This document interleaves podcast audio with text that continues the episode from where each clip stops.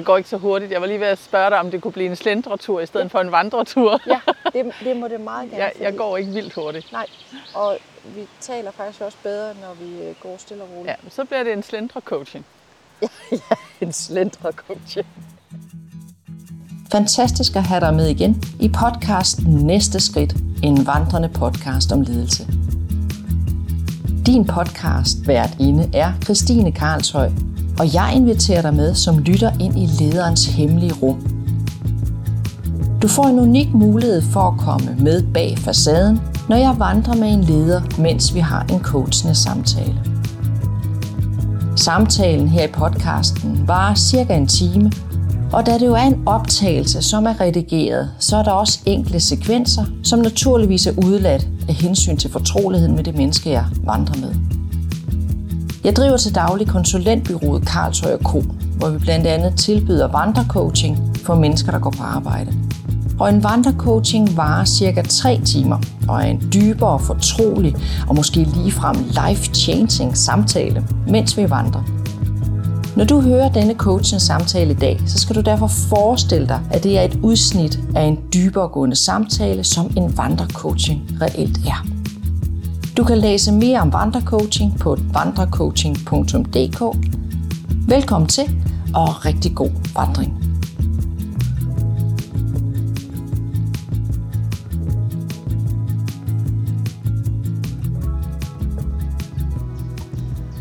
Vandrecoaching er for dig, som er leder og har brug for en til at stille de gode spørgsmål, så du kan få forløst dine udfordringer, dine forhindringer og forvente det til noget, du kan arbejde videre med i dit lederskab. Du kan booke din vandrecoaching på www.vandrecoaching.dk Hvis vi skal fortælle lytterne, hvem du er, hvad vil du så sige?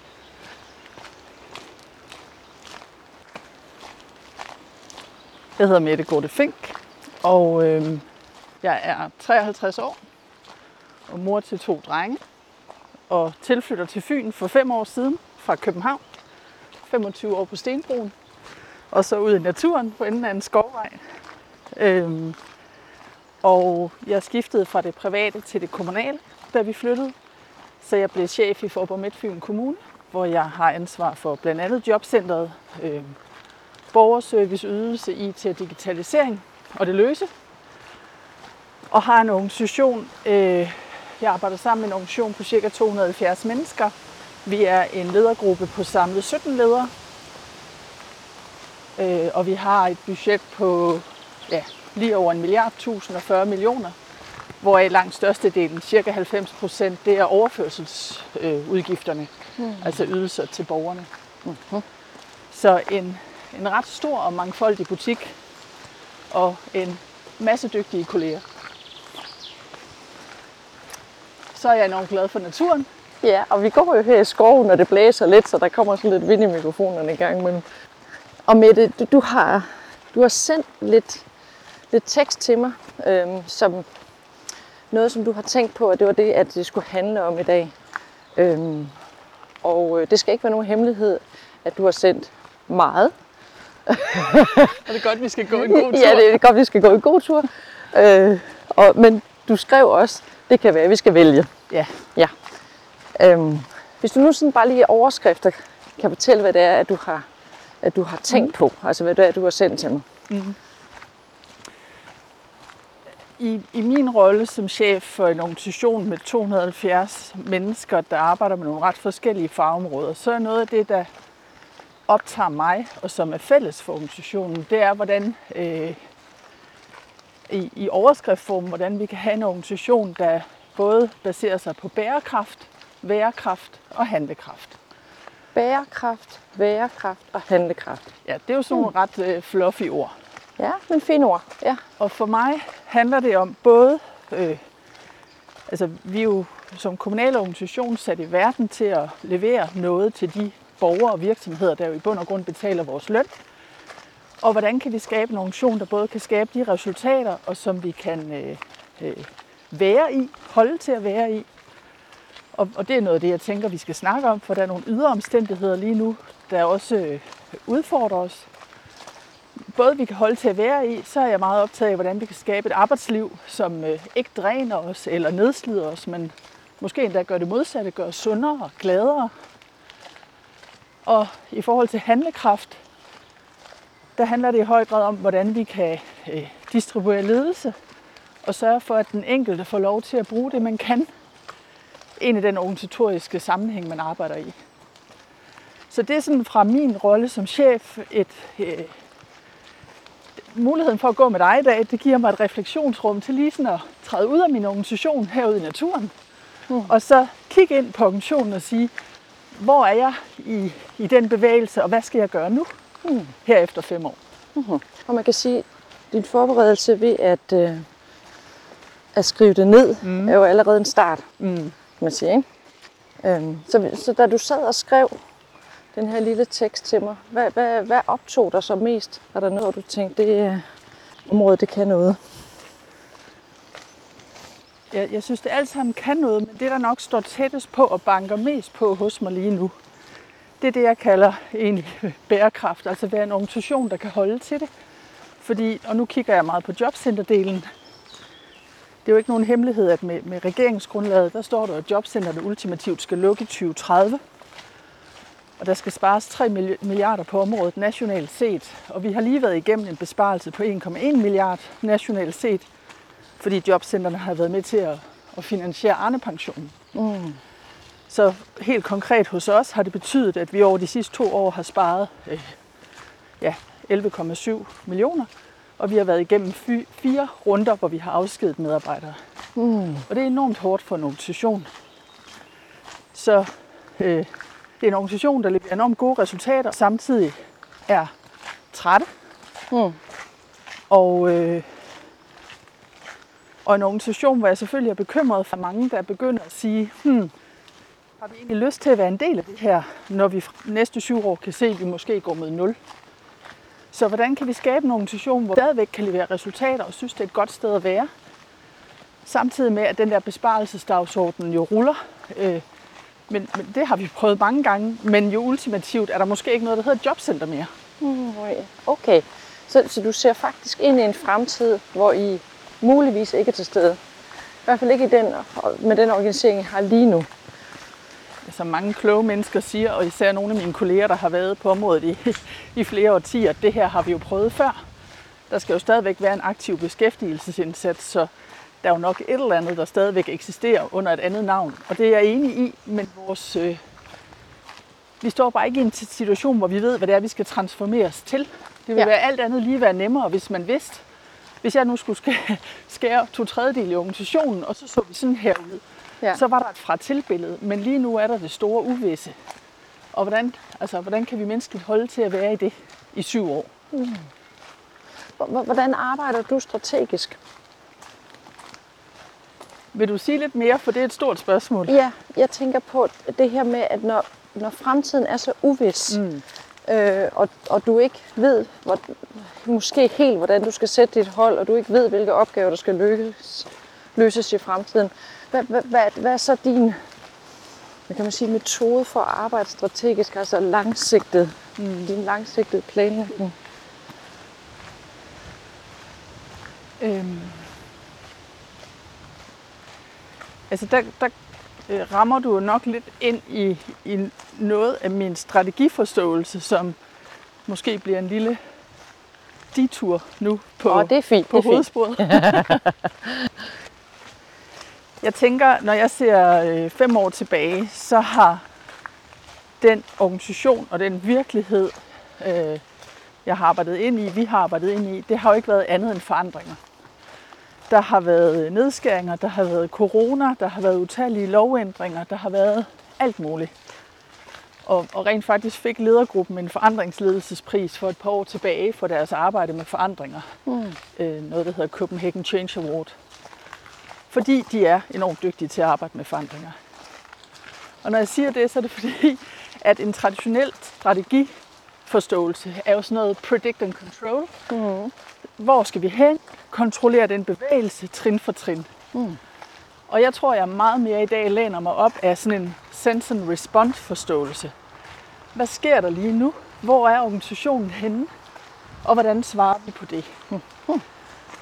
Og med det store øh, uvisse, der er foran os, så tror jeg, at noget af min opgave har været at sige, ro på nu, der er syv år til 2030. Ingen af os ved, hvad der kommer til at ske. Vi kan alle sammen have en masse gissninger. Men indtil vi ser lovgivningen, så ved vi det rent faktisk ikke. Og så sige, det vi arbejder på lige nu, det er jo det, vi har arbejdet for hele tiden. Det er at sikre, at virksomhederne får ja, i bund og grund den arbejdskraft, de har brug for, at borgerne de kommer i beskæftigelse. Så det med at holde fokus på formålet, og blive ved med at arbejde hen mod vores formål, det er for mig det vigtigste. Og så er der en uvidshed, jeg hele tiden vurderer, hvor meget og hvor lidt skal jeg dele med organisationen og involvere dem, og hvor meget og hvor lidt er det stadigvæk bare gissninger, som ingen af os rigtig kan bruge til så meget andet end at få en masse fantasier om, hvad sker der nu, og hvad betyder det for mig? Mm. Og jeg ved ikke, om det var svar på dit spørgsmål, men det var i hvert fald et forsøg på det. Ja, og jeg stiller jo spørgsmålet for, at du kan finde øh, svarene i dig selv, hvad jeg vil sige. Mm. Ja. Det er det, Check. der, det er det, der er trickset. ja. Men når du nu siger sense and response, ja. at, øh, det, og så hvis jeg sådan skulle tolke det, så, så er det noget med at fornemme, hvad der rører sig, og respondere på det. Ja, i bund og grund at lytte til sin organisation. Fordi Ja. jeg kan jo godt som chef have et eller andet ønske om, at organisationen er her. Men hvis den i bund og grund er et andet sted, så er det jo der, jeg må starte fra.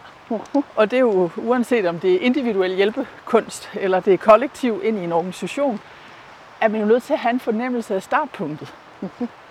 Så for mig handler det jo også om, øh, nogle gange er organisationens visdom jo meget større. Så det kan godt være, at jeg tror, at vi er på vej herhen, eller der sker det her. Men måske sker der noget helt andet. Og så kan man jo gå i øh, panik over det, eller hvad man nu går i. Mm. Men man kan også vælge at arbejde med organisationen. Ja. Nogle gange betyder det, at vi ikke lander der, hvor jeg troede. Nogle gange betyder det, at vi gør det via nogle omveje. Men måske er det, det den rigtige vej for den her organisation, som jo er sammensat af en masse individer med, ja, med en hel masse viden. Og, og det fører mig lidt til, øh, altså når du spørger, hvordan jeg også arbejder, eller hvordan vi arbejder med strategi. Mm. Øh, vi, ledergruppen er, eller organisationen som helhed, men det er startet med ledergruppen, er i gang med, med øh, et forløb, der hedder Organisationer Gentænkt som er både et teori- og praksisbaseret forløb, der handler meget om at distribuere ledelse, øhm, og også handler om egentlig vores egen forståelse af, hvordan vi arbejder med organisationer og udvikling. Og et af de billeder, vi bruger aktivt, det er, hvis du tager, nu står jeg og tegner her med hænderne, det ved jeg godt er lidt svært at se. Det er meget fint, du fortæller, hvad du tegner. Hvis du tager en traditionel, et, et traditionelt organisationshierarki, en traditionel organisationspyramide, Ja, du Den laver her lidt en trekant. pyramidetrækant med Lige dine fingre. Ja. og så vender den om. Ah, så har du den bredeste kant øverst. Ikke? Mm. I den traditionelle, der er det jo ligesom mig, der som chef sidder i toppen med et eller andet hierarki. Og hvis vi skal karikere det lidt, så er det mig, der er den kloge, den altvidende, og sidder der i toppen og, og distribuerer, delegerer noget ned og siger, gå nu til højre, gå nu til venstre. Vi arbejder med billedet med at vende trekanten om, fordi så er det vores dygtige kolleger, 270, plus medarbejdere, der er øverst. Mm. Og formålet er øverst, for det er jo deres, det de gør sammen med borgere og virksomheder, der står i toppen. Øhm, og det billede på en organisation har for mig også noget med strategi at gøre, fordi selvfølgelig vil der stadigvæk være noget, der drøber ned. Vi er en politisk styret organisation, der vil være nogle politiske bestillinger, der skal ud i organisationen. Men ved at vende trekanten om, så har vi hele tiden fokus på det, der sker mellem medarbejdere og borgere og virksomheder. Mm. Og det er jo det, der så også, det er jo tilbage til sense and respond, det er jo så det fornemmelsen for det, der sker i det rum, der også skal være med til at diktere, hvad er så næste skridt her? Mm. Hvor bevæger vi os nu hen? Hvad giver mening at gøre? Mm-hmm. Selvfølgelig stadigvæk inden for den traditionelle ramme, kan man sige, når vi er en kommunalt styret, politisk ledet organisation. Ja. Og, og hvis du sådan skulle prøve at, at fornemme lidt i dybden der, hvad er det, mm. hvad er det så, at du fornemmer, øh, at der er, når du vender din trekant om. Mm. Hvad, er det, hvad er det så, der er på, på spil der?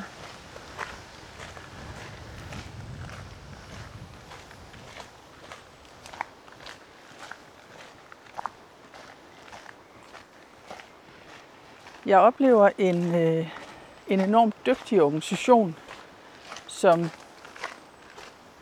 skaber nogle rigtig gode resultater. Og også en organisation, som jo nok stadigvæk er vant til nogle gange at kigge opad i den traditionelle trekant. Så det er jo en vedvarende bevægelse, det her med at skubbe noget beslutningskraft og noget handlekraft op i toppen af den omvendte pyramide. Mm. Det er jo en del af den bevægelse, vi har gang i. Det er jo også en del af, når jeg siger, understøtter jeg en organisation med både bærekraft, værkraft og handlekraft, så er det jo fordi, vi er på ingen måde i mål. Mm.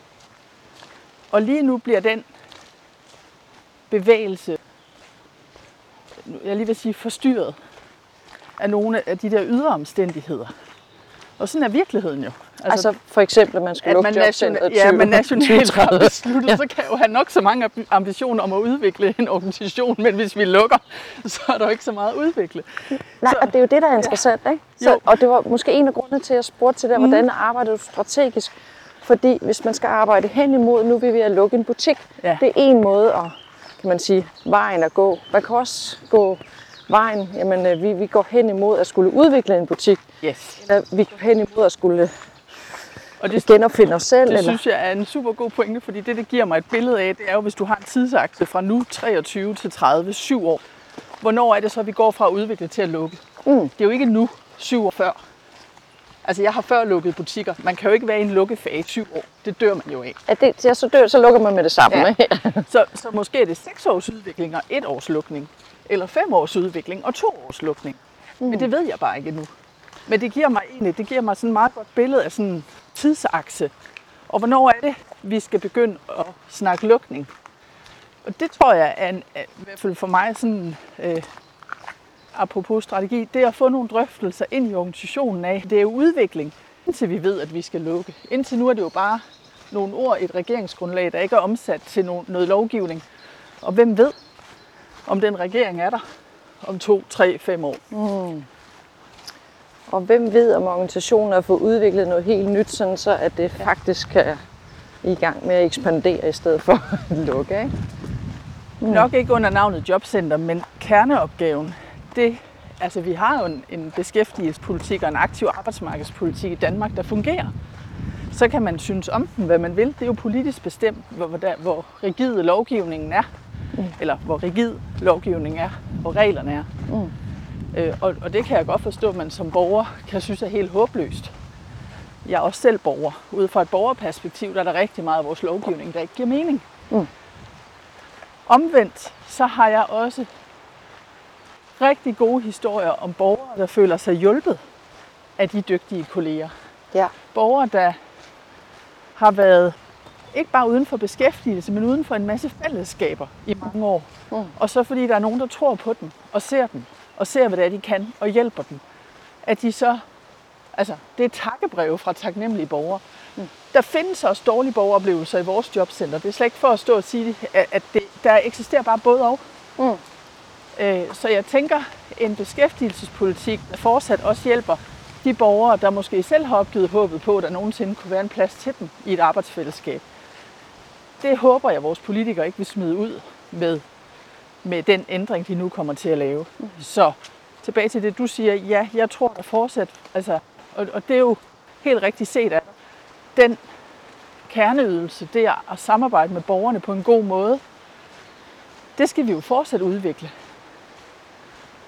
Også øh, i en situation, altså hvis nu vi går tilbage til syvårsaksen, hvis vi om fem år ved, når nu ved vi, at vi skal lukke, og vi skal beskæres måske med to tredjedel af vores budget, og dermed er der nok to tredjedel af kollegerne forsvinder, jamen os der er tilbage, vi skal jo stadigvæk, eller det er jo ikke sikkert, det er mig, de der er tilbage. Jeg har før lukket butikker og fyret mig selv, så det kan jeg godt. Men de der er tilbage, Mm. de skal jo stadigvæk arbejde på at udvikle det, vi skal levere.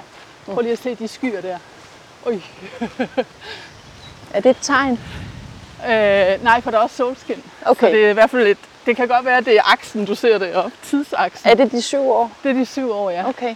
Wow, jamen lad os lige prøve lige at stå over et øjeblik. Er Hvis det du, er hvis du vildt tager smukt. himlen og kigger på de syv år, Ja. hvad siger den der så?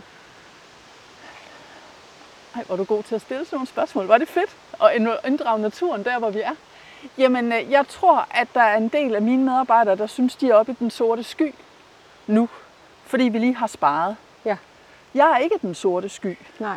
Den bevæger sig også. Den bevæger sig, og den er kæmpestor. Den fylder. Lige om lidt, så sluger den solen, ikke? Jo. Så hvordan er det? Altså, det er jo et super godt billede. Hvordan er det, man som organisation kan tro på, at solen enten skinner igen, eller er der omme bagved? Når nu den sorte sky, den, øh, der er jo vind på i dag, så den er på vej. Ja, den er måske ikke engang forbi solen. Det er den anden vej nu. Lad os prøve at lægge mærke til, om den der sorte sky, den går for solen, mens vi går. Ja, det, måske Ja. er det kun yderkanten. Måske er det nemlig Ja. kun yderkanten, den lige når at, at passere. Mm. Men, Øh, men du svarer man- mig faktisk ikke på, hvad der kommer efter den sorte sky.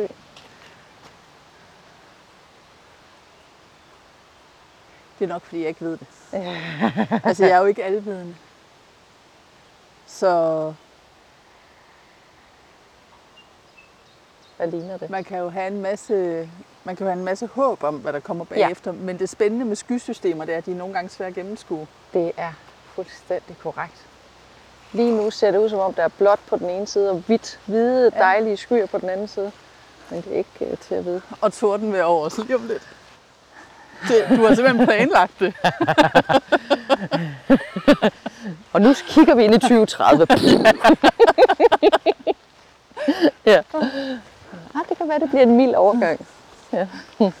Nu, Men- nu men- har jeg lyst til at gå ned et andet spor, men Ja. så må du lige stoppe mig. ja, det er fint. Fordi det du lige gjorde, altså jeg synes jo, at naturen kan noget helt særligt på alle mulige punkter i forhold til at skabe refleksionsrum. Det, at vi går her frem for at sidde inde i et mødelokale. Mm-hmm. Øh, det, at du bringer det aktivt ind. Det, at man sanser noget. Vi har, øh, vi er beliggende i, i Ringe ved Ringesø, og, og vi har forsøgt at inden for de rammer, vores øh, organisation og vores opgaver tillader det, også at prøve at bruge den smukke natur, der er rundt om os. For eksempel, at når man har sin en til en med nærmeste leder, så kan man vælge at gå rundt om søen og holde den. Altså ligesom vi vandrer eller slendrer her, Ja. øh, så kan man slendre rundt om søen og holde sin en til en. Jeg er simpelthen så nysgerrig på, hvordan og om jeg kan bringe naturen mere ind i vores arbejdsvirkelighed.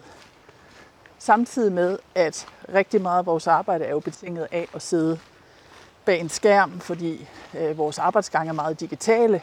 Øh, vi har nogle typer af møder med borgerne, som også kan være en, en vandretur rundt om Ringe Sø, men det er meget afhængigt af, hvad det er for en type samtale.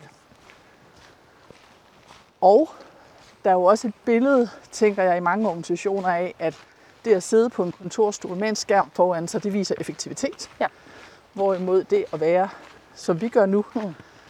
øh, og det at skabe de rum, de refleksionsrum, der nogle gange gør, at man bliver mere effektiv, fordi man får tænkt øh, på en anden måde over Mm. det, man sidder og arbejder med. At, at det bliver set som ikke produktivt. Så hvad er det for nogle Så- snublesten, du møder, når du øh, taler om at inddrage naturen i, i jeres Og jeg arbejdsdag? tror, det er min egen øh, forbehold.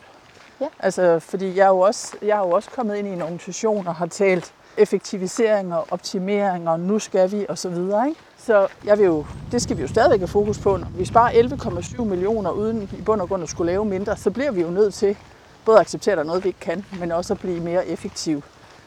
Så hvordan spiller det sammen med øh, Altså jeg tænker, at en hypotese kunne være, at det at bruge naturen mere aktivt også kunne være en måde at holde. Altså få noget glæde og kunne holde til at være i de her situationer. Så hvordan balancerer vi det? Hvad, hvad vil det sige at være effektiv på en arbejdsplads? Ja. Øhm. Tak for et spørgsmål, som kan pege mange veje. Det enkle svar vil jo være at sige, når for eksempel vi har øh, så og så mange borgersager, og der er en lovgivning, der tilsiger, at vi skal have så og så mange samtaler inden for et vist tidsrum med alle borgerne, så er det jo i hvert fald at sikre, at vi får holdt de samtaler, mm. og at hver enkelt sagsbehandler får holdt det antal samtaler, der nu skal til, og samtidig også får lavet al den administration, der følger af de her samtaler. Ja. Men så er vi jo tilbage ved, at jeg også er en organisation, hvor vi nogle gange kommer til at se procesmålene som resultatmål, eller som et resultat i sig selv. Ja.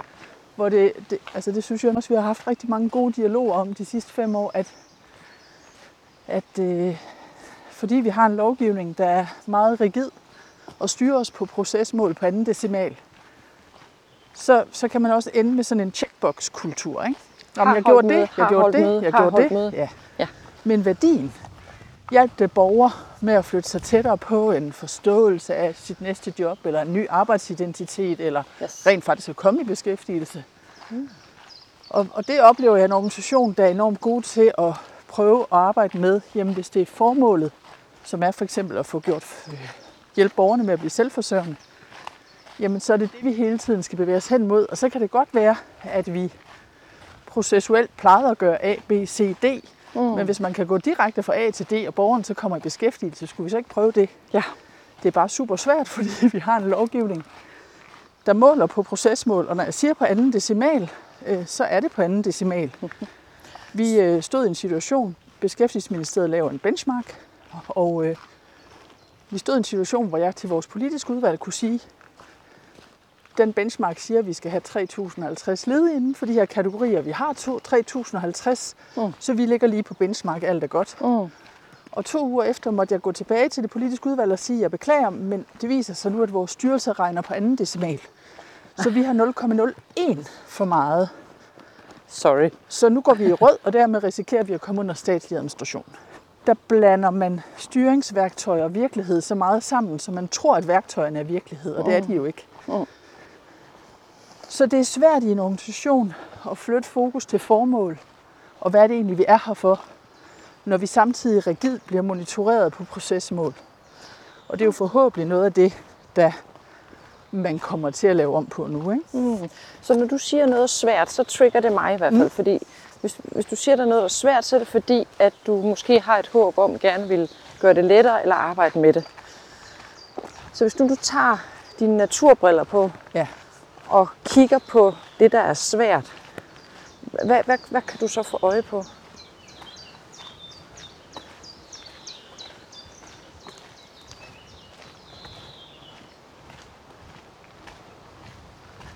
Altså det er jo det, jeg vil kalde et svært spørgsmål. Christine. Ja.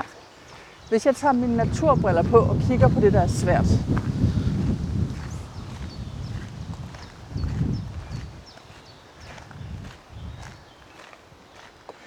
Øhm, jeg tror jeg lige, jeg svinger mig op på den store klinge her. Det er dejligt. Kom med det. Vi skal starte et sted. Ja. Jeg tror, jeg tror, at noget af det, naturen kan, det er også at vise en en helhed. Mm. Øh, det er at, at få løftet blikket fra øh, nogle af de der både banaliteter, trivialiteter og ting, som kan være snubletråd i hverdagen. Og så, øh, altså ultimativt, er vi jo alle sammen er en del af et stort kredsløb, mm. og vi er her forsvindende kort. Ja. Og øh, mange af de træer, der er omkring os her, de er jo meget ældre end dig og mig. Til sammen. Lige præcis. så unge som vi to jo Så er. unge, som vi to er. Øhm, så jeg tror i hvert fald ud sådan fra et personligt, det jeg selv erfarer i naturen, og jeg tror mange andre erfarer, det er jo, at, øh, at man får ligesom perspektiveret nogle ting, øh, får flyttet fokus lidt til nogle af de store linjer. Altså øh, kosmos, uendelighed og uforståelighed. Ikke? Øh, det, uanset om du kigger op på stjernerne, eller på et gammelt bøgetræ, vi går her med, eller en flot græn.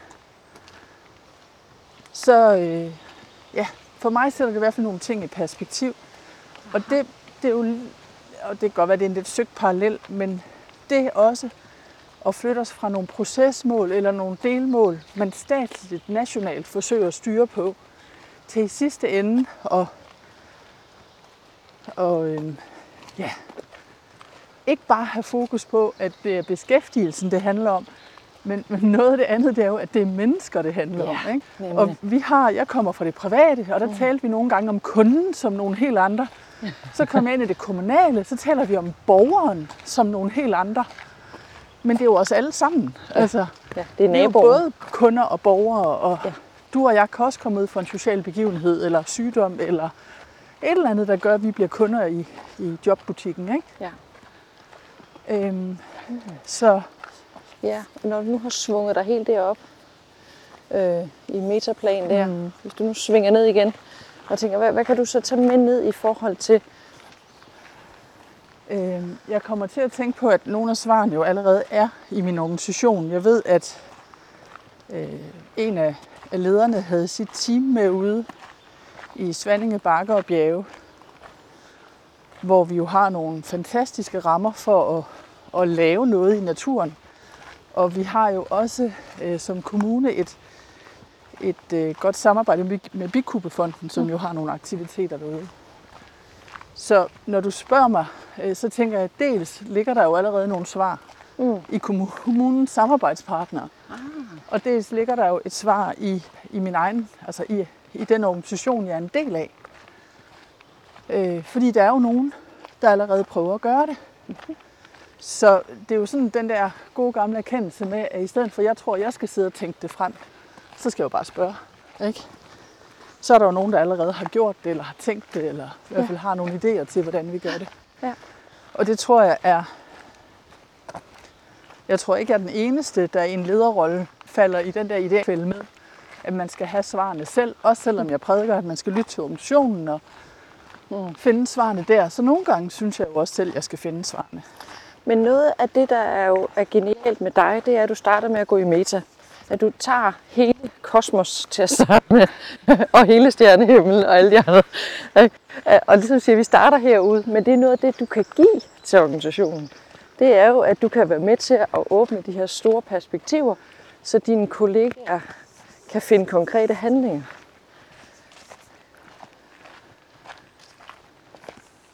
Måske. Altså jeg tænker, at det kan jo også være lidt weird nogle gange, ikke? Det er sandt. Vi er flere, der synes, at nogen er weird, fordi at de flyver lidt for langt op. Eller, øh, der tror jeg jo også, at, at øh, mit møde med organisationen for fem år siden, og det samliv, vi har haft organisatorisk, at det betyder jo også noget. Mm. For at det her ville jeg jo nok hverken tænke eller gøre for fem år siden, hvor jeg var ny i en kommunal organisation og, og skulle lære organisationen at kende og vice versa. Mm. Og, og jeg tror jo, min, min grad af at være forstyrrende element, fordi jeg netop ikke var vokset op organisatorisk i en jobcenterverden eller en kommunal verden. Det der med også at dosere sin grad af, af mærkelighed over mm. tid. Ikke? Og der tror jeg, jeg er et andet sted i dag. Altså måske jeg også tør være lidt mere mærkelig, end ja. jeg gjorde for fem år siden. Og det handler også om min egen bevægelse i en lederrolle, en chefrolle. Hvordan udfyldes den rolle over tid, og hvad kan man, hvor meget kan man have lov at eksperimentere med den? Ja, altså bare det, at du lavede billedet før, at trekanten du vender på hovedet, mm. og bare det at gøre det, at kan jo være angstprovokerende for nogen og meget skræmmende, ja. og øh, jeg tror, jeg finder mig et andet job fordi at nu kommer hende der med og vender trekanten på hovedet. Det kan slet ikke magt. Mm. Øh, men der skal rigtig meget mod til at gøre det. Så det kan være, at du har brugt de første mm. år på at, at finde øh, skruetvingen, så du kan få den vendt om. Ikke? Og mm. måske det også handler om... Måske det også... Altså, for eksempel sidste år, der leverede organisationen nogle rigtig, rigtig gode resultater, som jo især betyder noget for de borgere og virksomheder, vi kan hjælpe og som også betyder noget for kommunekassen, uh. fordi vi så kan lægge rigtig mange millioner i den, frem for at skulle bede om ekstra millioner. Ja. Øhm, og, og helt kort fortalt, så handler det om, at jobcenterne de bliver kompenseret under et, så vi bliver kompenseret ud fra et nationalt niveau på, på overførslerne. Ja. Så øhm, hvis vi klarer os bedre end landsgennemsnittet, så har vi penge. Hvis vi klarer os dårligere, så skal vi selv finde nogle penge ikke, i mm. kommunekassen det er jo ikke sikkert, at jeg ville ture, eller ville føle, at jeg havde mandatet til at bevæge mig ud i grænserne af måden, jeg, eller skubbe til grænserne for den mm. måde, jeg er i en lederrolle på. Hvis ikke jeg havde haft et afsæt med gode resultater, mm. så ville jeg måske føle lidt mere, at jeg var nødt til at, at holde mig strictly til resultatskabelsen. Men fordi vi er en organisation, der lykkes rigtig godt, Og, og jeg mener jo ikke, det er på trods af de her mærkeligheder. Men jeg synes jo netop, det er på grund af, at vi også øh, prøver at finde en balance mellem øh, ja, relationer og resultater. Og hvordan vi lykkes sammen. Og i bund og grund tænker jeg som mennesker, det at, at kunne se mening i det, vi gør, det at have føle et tilhørsforhold, og det at kunne se, at man bidrager til noget, det er jo enormt vigtigt på en arbejdsplads. Der sidder jo også nogle teams, der har arbejdet i højeste gear, ikke bare i måneder, men i år efterhånden, og enormt slidte. Og for dem, hvis nu jeg siger, tag en dag ud i naturen sammen, så kan det jo godt virke som om, helt ærligt, vi har jo ikke tid til det. Nej, det er nemlig rigtigt. Og der har jeg en enormt dygtig arbejdsmiljøleder i organisationen, som er god til at minde mig om, og også minde organisationen om, når vi har mindst tid til det, har vi mest brug for det. Ja. Altså vi har brug for at for eksempel gøre et eller andet andet sammen, der bygger det sociale kit. Fordi det kit er jo det, øh, det skal vi jo tære på i de hårde tider. Så vi er nødt til løbende at bygge det der sammenhæng i Ja. vores teams og i vores organisation. Det er super godt spot, og fedt det der med, at I har fokus på, at, at det er jo der, hvor det, hvor det knager, at vi skal være rigtig opmærksom. Hvis jeg nu, hvis jeg nu stillede dig udfordringen at skulle tænke mere natur ind Ja. øh, i, din, i, din, i din organisation, øhm, og du skulle komme på tre geniale idéer i løbet af de næste par minutter, som, som ikke Så vil jeg gerne kalde på min organisation, ja. for det er dem, der får de geniale idéer. Okay, jamen interessant. Så hvis du nu får udfordringen, og så tænker på din organisation, hvad vil de, hvad vil de svare? Mm. Noget, I ikke har prøvet før. Det, det kan bare være helt et skud i tågen. Men tre geniale idéer, som måske kan blive til noget. Okay. Du kan lade dig inspirere af naturen, du går i. Jamen, jeg tænker også, det, det er naturen, øh, når du siger, at vi går i. Ja, Hmm. kan to gøre det? Ja, så kan det være, at vi finder en tredje bag. Ja, nu får du den første overskrift på. Altså, min ene tanke var naturen ind i jobcentret, og min anden tanke var jobcentret ud i naturen. Ah. Og jeg kan allerede høre min egen forbehold, Ja. som peger tilbage på vores snak også om effektivitet. Ja. Det er jo et jobcenter, det handler om job, det er det, vi skal have fokus på. Vi har ikke tid til alt det der pjat. Mhm. Godt, så er de forbehold lagt herover. Ja. 14 dage efter jeg startede i organisationen, der flyttede vi fra en lokation til en anden lokation. Vi flyttede ind på et gammelt hospital i Ringe. Smukt beliggende ved Ringe Sø. Øh, et gammelt hus, meget charmerende. Øhm, og ikke særlig ideelt til den måde, øh, vi bruger det på, fordi vi har fleksible arbejdspladser. Mm-hmm. Tidligere der havde øh, sagsbehandlerne havde egen kontor, så når de havde borgersamtaler, så kom ind på deres kontor. Mm. Nu flyttede vi så ind i et hus, hvor vi havde fælles samtalerum, som man bookede, og så gik man fra sit fælles kontor ind i et samtalerum og havde mødet derinde. Så noget af det, der skulle signaleres, det var en bevægelse fra sådan et meget privat rum til et mere professionelt rum og fælles. Ja. Ja. Og jeg har nogle gange tænkt på alt fra, hvad ville der ske, hvis vi havde skovens brusen og susen ude i venteværelset. Vil det gøre noget godt, eller havets bølger, eller... Altså det der med også, at naturen har jo en beroligende effekt. Der er jo virkelig forskel på, hvordan vi reagerer på skovsusen eller bølgeslag frem for trafikstøj. Ikke? Men det taler til vores nervesystem. Ja. Og det, ja. Et jobcenter er jo et sted, hvor folk kommer og ofte er presset, sårbare. Øh, Det kommer selvfølgelig an på, hvem vi taler om, men der er jo mennesker, der er meget alvorligt syge, Ja. eller har det rigtig, rigtig svært. Kan vi der hjælpe Hmm. de mennesker, der træder ind over dørtærsken? Kunne man arbejde med både rumindretning og lyd? Det kunne være skide sjovt at se, hvad kan det gøre ved et jobcenter. Super Så det var naturen ind i jobcentret. Ja, og, og hvis jeg lige må knytte en kommentar, så er der jo både borgerens perspektiv, men der er også medarbejderens. Mm. Altså begge, begge har brug for naturen indenfor. Vi har et, øh, et beskæftigelsesprojekt i vores køkken, så der er borgere også i vores kantineområde. Og der var en borger, som er enormt glad for blomster, har arbejdet meget med blomster. Nu er hun så i køkkenet. Men hun havde plukket en masse fantastiske blomster og sat i vaser rundt på bordene. Wow. Og jeg tænkte, ej, hvad det gør ved det her rum. Altså, at der er nogen, der lige gør sig den ulejlighed og sørger for at have blomster med. Det er fantastisk smukt, og vi var alle sammen glade, tror jeg. Så lidt Så skal der til. lige præcis. Ja. Ja. Det var også det, jeg tænkte. Nogle gange er det jo, det behøver ikke være fancy og dyrt. Altså, Overhovedet ikke. apropos naturen ind på jobcentret. Bygningen, en, en lukket bygning med en gårdhave i midten.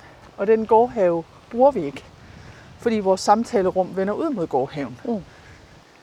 Det er ikke hensigtsmæssigt, at vi sidder derude og småsnakker eller holder pauser, Mm. når det er lige op til samtalerummene. Og så i fredags efter arbejdstid, der havde vi gjort en undtagelse, hvor vi øh, åbnede gårdhaven, og så var der kom og få en pølse og en sodavand og fjerne noget ukrudt, fordi den var groet noget til. og det var helt vildt hyggeligt. Og jeg kunne godt mærke, at der var mange, der kom bagefter og sagde, kunne vi ikke godt åbne den her yeah. gårdhave?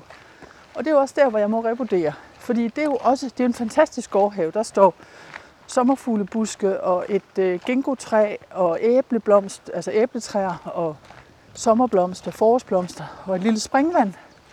Det er jo også en måde at få naturen ind i jobcentret på. Og det er et rum. Det er et rum, ja. Ja. At det så ligger op til vores samtalerum. Men så tænker jeg, nu må vi jo prøve det. Ja. Og hvis det så bliver besværligt, eller der er nogen, der tænker, det dur simpelthen ikke, så må vi jo finde ud af, hvad vi så gør. Ja. Så det er også en måde at få naturen ind i jobcentret på. Den natur er der allerede. Ja, og måske hopper du allerede til jobcentret ud i naturen. Ja, Ja, det kunne, det kunne være første god idé ja. på den konto. Mm-hmm. Fordi jobcentret ude i naturen, altså jeg tror det, at vi, det kender du sikkert også, ofte tænker man meget traditionelt, man holder et møde indenfor, så lægger man en walk and talk ind, eller øh, vi skal da også lige have tid til at strække benene, eller et eller andet, og det er jo positivt. Og det med at måske bytte rundt på det og sige, ligesom vi gør nu, når vi kan jo også holde mødet i naturen, og så kan vi jo trække indenfor, Ja. hvis Hvis og hvis. betingelserne gør det, ikke? Det er jo ikke, altså min dag er jo også plastret til med møder. Det er jo ikke fordi, at alle møder altid kan holdes udenfor. Mm. Men det der tilbage til dit effektivitetsspørgsmål, det der med nogle gange at tænke i, kunne vi gøre det her på en anden måde? Kunne vi bruge naturen? Ja. Vi har nogle enormt dygtige kolleger i den del af butikken, der hedder Byland og Kultur, som arbejder meget med også at lave de her udendørs mødesteder.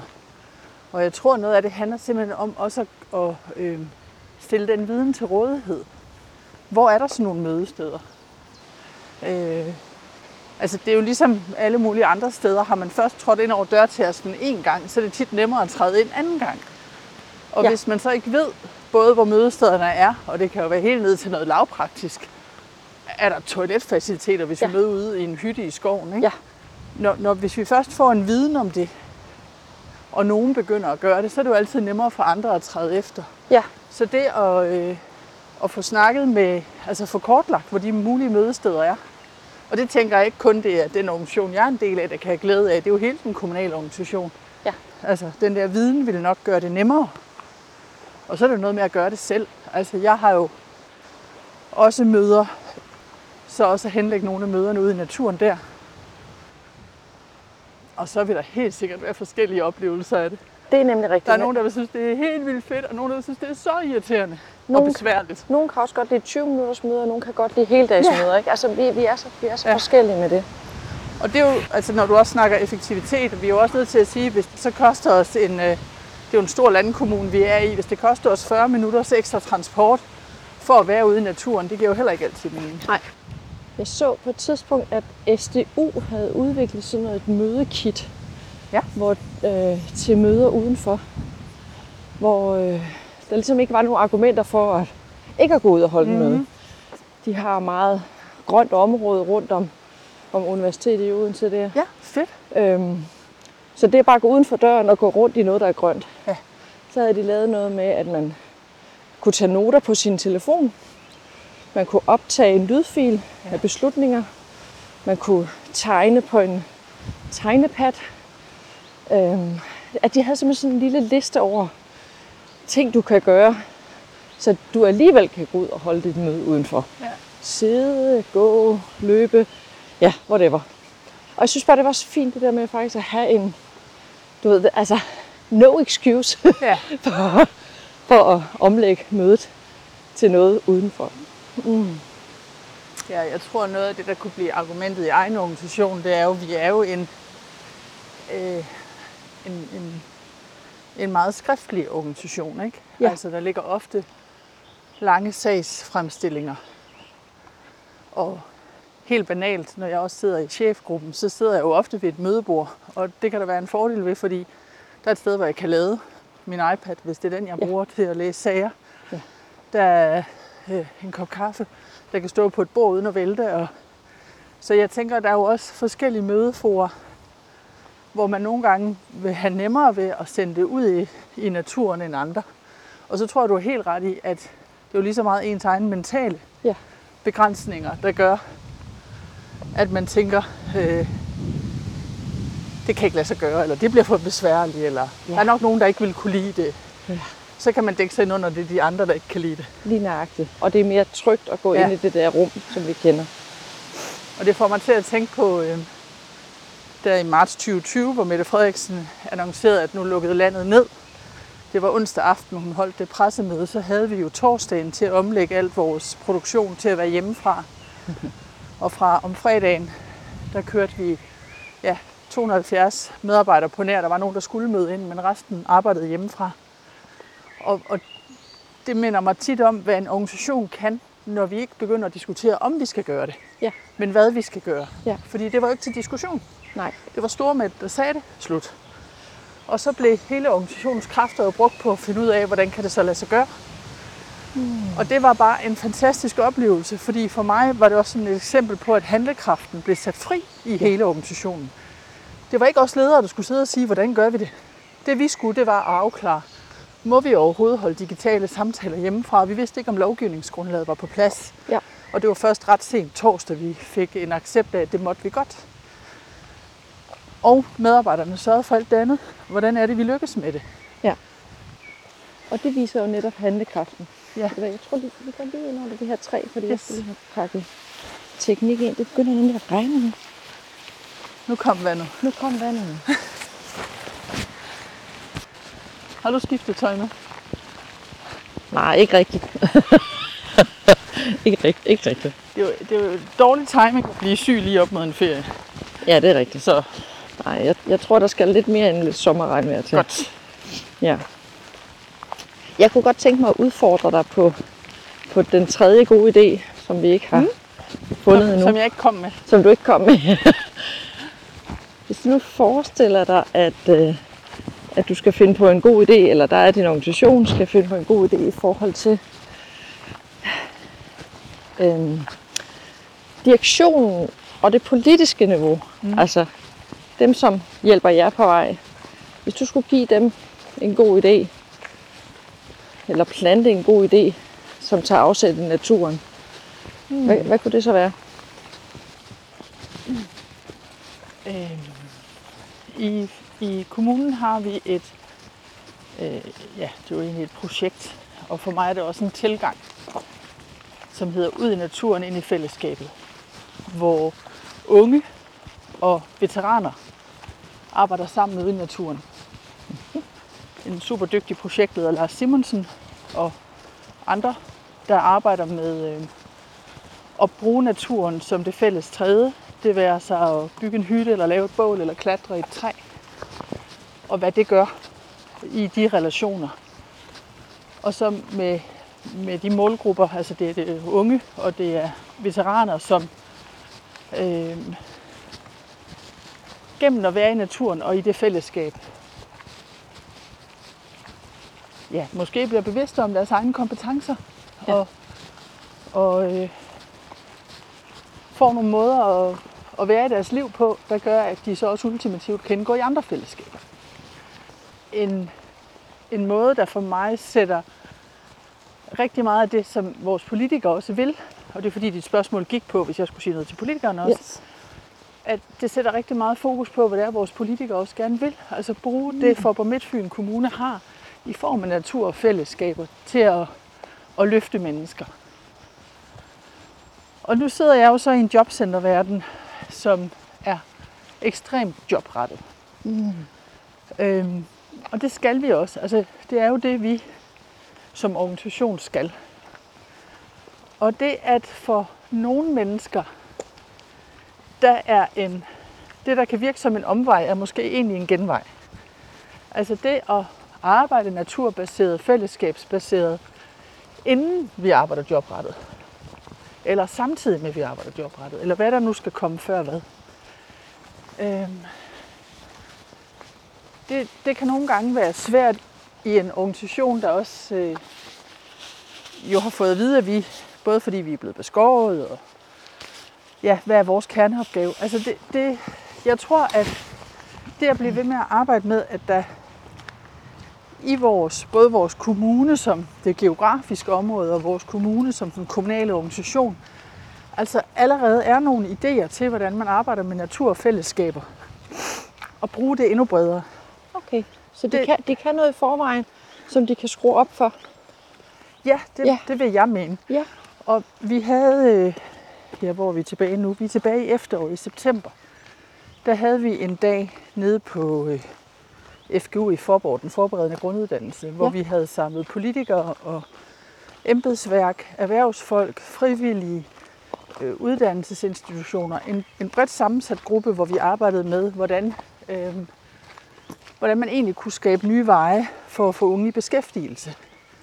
Og noget af det, og der var masser af unge med os, skal lige siges. Fedt.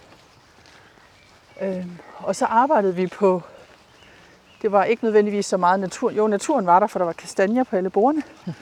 men, øhm, men det var lige så meget også at arbejde, bryde lidt op i den der traditionelle måde at holde møder på i kommunen.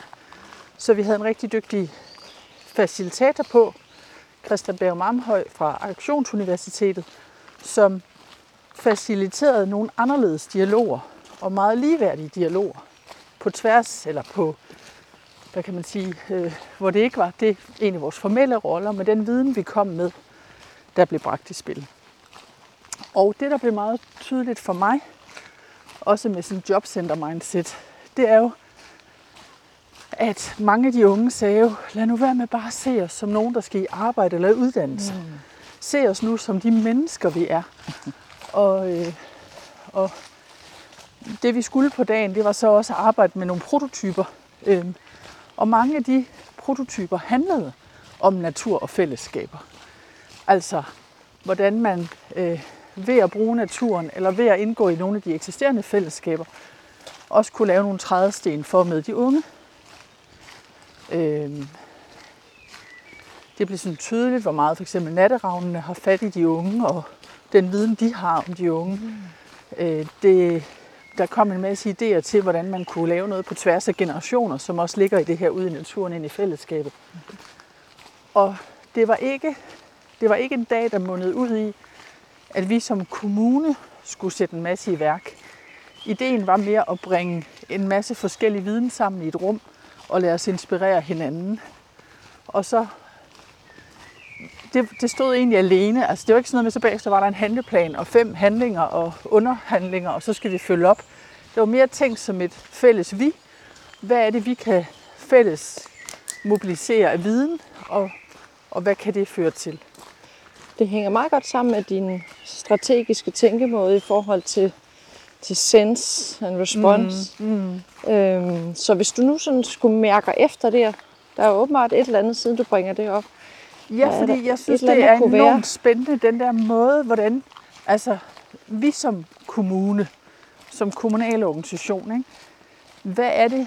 Vi, vi kan jo kun så og så meget, og vi skal også kun så og så meget. Men de samarbejdsflader, der er over til erhvervsliv, til de frivillige, mm. til alle de andre aktører i samfundet, hvordan får vi det til at spille sammen? Fordi tit handler det jo om, at der er også noget, vi i en kommunal organisation ikke kan. Der er også noget, vi bare ikke er de bedste til. Der er noget, vi ikke skal. Og hvordan kan vi samtidig, hvis nu vi siger til en ung, der har det svært, så bygge bro over til Headspace, eller bygge bro over til nogle af de andre aktører i feltet, som måske lige præcis har de ressourcer eller den profil, der kan hjælpe nogen videre. Mm. Så det her med også at se på, ikke kommunen isoleret set, men ja, som jo en del af en masse aktører, hvordan beriger vi hinanden i stedet for at... Øh, altså, vi har en fælles opgave, ikke? Så, mm. så det er tilbage til formålet. Mm-hmm. Og så også se på, hvilke, hvilke andre samarbejdspartnere er der, vi måske ikke har fået øje på endnu. Nu har du været vidt omkring med det. Ja. Og, øh, og, jeg, Og solen skinner på og os solen igen. skinner faktisk, og det, vi har lige været igennem regnvejr og jakke af og på. Hvis jeg nu skal guide dig tilbage Mm. øh, og få samlet lidt op, så, øh, så har jeg sådan et meget passende spørgsmål her hen mod afslutningen, der hedder, hvad er dit næste skridt? Øhm, hvis du nu kigger på det, du har været omkring i dag af tankespind, og hvis du kigger på det, du kom med i forhold til bæredygtighed, bæredygtighed og handlekraft, hvis du sådan skulle samle sammen, hvis du skulle tale dig ind mod en, en samling eller afslutning eller en retning videre, Så vil jeg starte med at udfordre dig, for jeg synes ikke kun, det er tankespind. For mig der er tankespind, det er sådan noget, der aldrig bliver konkret. Du, Jeg- ja, okay, så, så, så kan jeg konkretisere, fordi næste skridt betyder faktisk, at du skal være meget konkret. Ja. Fordi mit næste spørgsmål er, hvad gør du, når du kommer hjem? Ja. øhm. Jeg synes, at vores øh, slindre coaching i al slags vejr øh, gav mig det rum til lige at løfte blikket og egentlig indse, at jeg er på vej. Yes. Ikke? Og så kommer der dramatisk underlægningstorden Ja, ja. bagved. Det er ja, ret ja, ja. flot lavet, dine lydeffekter, vil jeg sige. Simpelthen. Det tog Øh. lang tid at planlægge. Øh, du var selv med til at sige om det med gårdhaven. Måske egentlig. Der, er- altså, jeg tror, nogle gange er jeg selv som leder jo den største barriere, eller den største mentale lås for nogle ting. Og som leder, det tror jeg, de fleste kender, det der med mod til så at gøre noget, der er anderledes. Ikke? Hvor finder man det i sig selv? Og øh, jeg tænker, mit næste skridt vil dels være helt konkret at finde ud af, hvad gør vi med den gårdhave? Hvordan åbner vi den? Hvordan får vi øh, lavet en plan over de udendørs mødesteder, der er? Det har jeg nogle kolleger, der ved meget bedre end mig herovre i Byland og Kultur.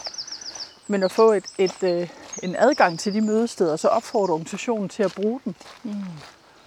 Øh, og så mine tanker om, om man kunne gøre et eller andet med at få naturen mere ind i selve jobcentret. Øh, det skal jeg finde ud af, hvordan jeg gør, fordi det er blevet meget stort i mit hoved i form af, øhm, så skal man så have en designer eller en forsker eller nogen til at hjælpe med det. Ikke? Mm. Men det du gjorde mig opmærksom på, det er jo, det at der er nogen, der har plukket en vejkantsbuket og sætter på et bord. Måske er det ikke sværere end det. Mm-hmm. Så det her med også at få det fra, at det bliver sådan meget abstrakt og stort, til at sige, øh, det kan godt være det der med lydkulisserne og bølgeskvulpen er lidt ude i fremtiden, men det at sætte en buket blomster på bordet, det kan vi måske godt finde ud af. Mm. Og, og øh, jeg kom bare til at tænke på i vores venteområde, der har vi stadigvæk et juletræ. Nu sagde du nemlig jul, det lugtede af jul. Der har vi et juletræ stående i december måned. Hvorfor, hvorfor, hvorfor har vi ikke en blomsterbuket resten af året? Er det ikke mærkeligt? Eller bøgetræ om Eller et foråret. bøgetræ, ja. Nogle bøgegrene Ja. i maj. Mm. Øhm, så det er jo, der er jo også nogle normer eller konventioner der. Sådan, sådan her plejer vi at gøre. Ja, men hmm, det andet er måske heller ikke så svært. Så gårdhave, mødesteder og blomsterbuketter. Det er en start. Det var dejligt konkret. Så det var faktisk det spørgsmål, jeg så, så nu skal stille dig i forhold til, hvad er det, du gør i morgen? Må jeg stille dig et andet spørgsmål i stedet for? Ja, Fordi øh, du er jo en meget reflekteret kvinde og går meget gerne op i meta, så nu har det været meget konkret. Men hvis du nu skulle pege på et spørgsmål, jeg ikke har stillet dig, eller glemt at stille dig, hvilke spørgsmål vil du have ønsket, jeg havde stillet dig? Øh, der er, ikke, der er ikke noget, hvor jeg sådan går og tænker, bare du havde spurgt om det, fordi jeg synes, du har været god til også at forstyrre mig undervejs. Øhm, hvis der var et spørgsmål, kunne du være, hvordan får du organisationen med? Øh, men så tænkte jeg også videre, at jamen, måske, skal jeg ikke have, måske skal jeg bare gøre noget og se, hvad der sker. Altså måske behøver jeg ikke have nogen med. Hmm. Øh, så, så ser vi, hvad der sker. Og, og det med gårdhaven, der har jeg jo organisationen med. Det med mødestederne, der er nogen, der er i gang. Det med blomsterne, der er nogen, der er i gang. Alt det her er jo ikke noget, jeg har opfundet. Det er jo øh, måske tilbage til Sense Respond. Mm. Det er jo en følelse af, at der er en organisation, der efterspørger det her. Så hvordan kan vi forstørre det, vi gør i det små? Og, og der tænker jeg jo, at det, nu er vi meget smukt tilbage ved skovhuggeren, hvor øh, her omkring, der spurgte du, hvad min strategiforståelse var. Og jeg kommer til at tænke på et andet svar på det, kunne også være, at strategi er for mig også summen af mikrohandlinger. Mm. Altså hvis vi går fra at predict and control, at jeg kan forudse i fremtiden, og så kan jeg kontrollere den ved at lave en masse trin, og til sense and respond, jamen så bliver strategien jo også en masse mikrohandlinger derude. Og min opgave bliver så nogle gange også at få øje på de mikrohandlinger og hjælpe med at forstørre dem. For hvis det er det, organisationen har brug for, den øh, rummelighed eller nænsomhed til at kunne holde til at være en del af en organisation med så uvisse vilkår tilbage til de syv år. Ikke? Mm. Hvis det er det, jeg føler, der er brug for, så lad mig prøve det af. Mm. Hvis så det ikke er det, der var brug for, hvis nu der kommer en masse negativ respons, så kan vi jo holde op med at gøre det. Mm. Øhm. Hvordan føles det at sige det? Mm. Jeg lige vil sige, ikke anderledes end i går eller i morgen, for det tror jeg er sådan meget Fedt. den måde, jeg arbejder med organisationen på. Yes. Vi, vi taler meget om prøvehandlinger. Mm. Altså det her med, vi kan ikke ideen om, at vi kan forudse det hele og tage højde for det hele, den er død. Men vi, vi, øh, hvis det er godt nok for nu, og sikkert nok at prøve af, det prøver vi at sige til hinanden.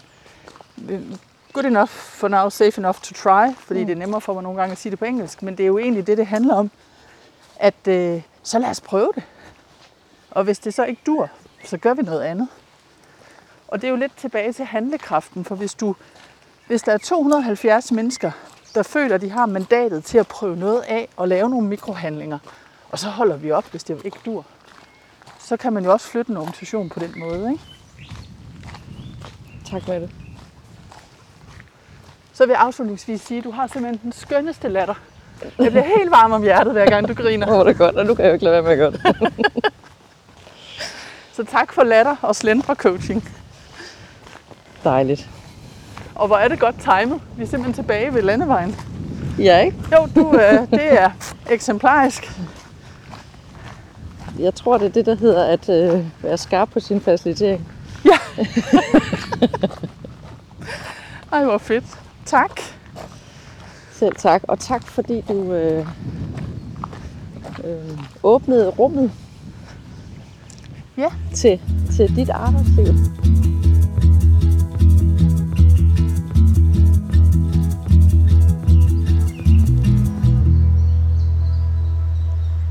Nu står jeg her i skoven alene, og Mette er kørt hjem. Jeg står her og får sådan lidt efterreflektion. Og hvis du nu husker på, hvad det var, at Mette hun sagde, så øh, det jeg i hvert fald husker, det er, at hun startede samtalen med at, at bevæge sig meget i det store. De store linjer, de store kommunale linjer, og sluttede meget i det små. Og hun nævnte faktisk selv det her med at se det store i det, i det små, og det små i det store. Og, at, øh, og det er tankevækkende, man sige, det her med, at hun, hun startede med at, at slå store brød op og landede ved nogle meget, meget små, konkrete hverdagshandlinger. Og hele refleksionen omkring, at, at netop rigtig mange af de her små ting i vores hverdag kan være med til at løfte en gigantisk organisation helt nye steder hen. En anden ting, jeg tænker, der er interessant ved, ved samtalen med Mette, og som vi, øh, både du og jeg og Mette sikkert også kan lære af, det er det her med at, at vende organisationen på hovedet. Jeg var ret vild med hendes billede af trekanten, hvor i stedet for, at det er lederen, der står som den hierarkiske, al, almægtige, faderlige figur for oven, så er vende trekanten rundt, så det er alle de mennesker, som arbejder i organisationen, som står på en lang række, og lederens rolle bliver at understøtte i stedet for at dirigere.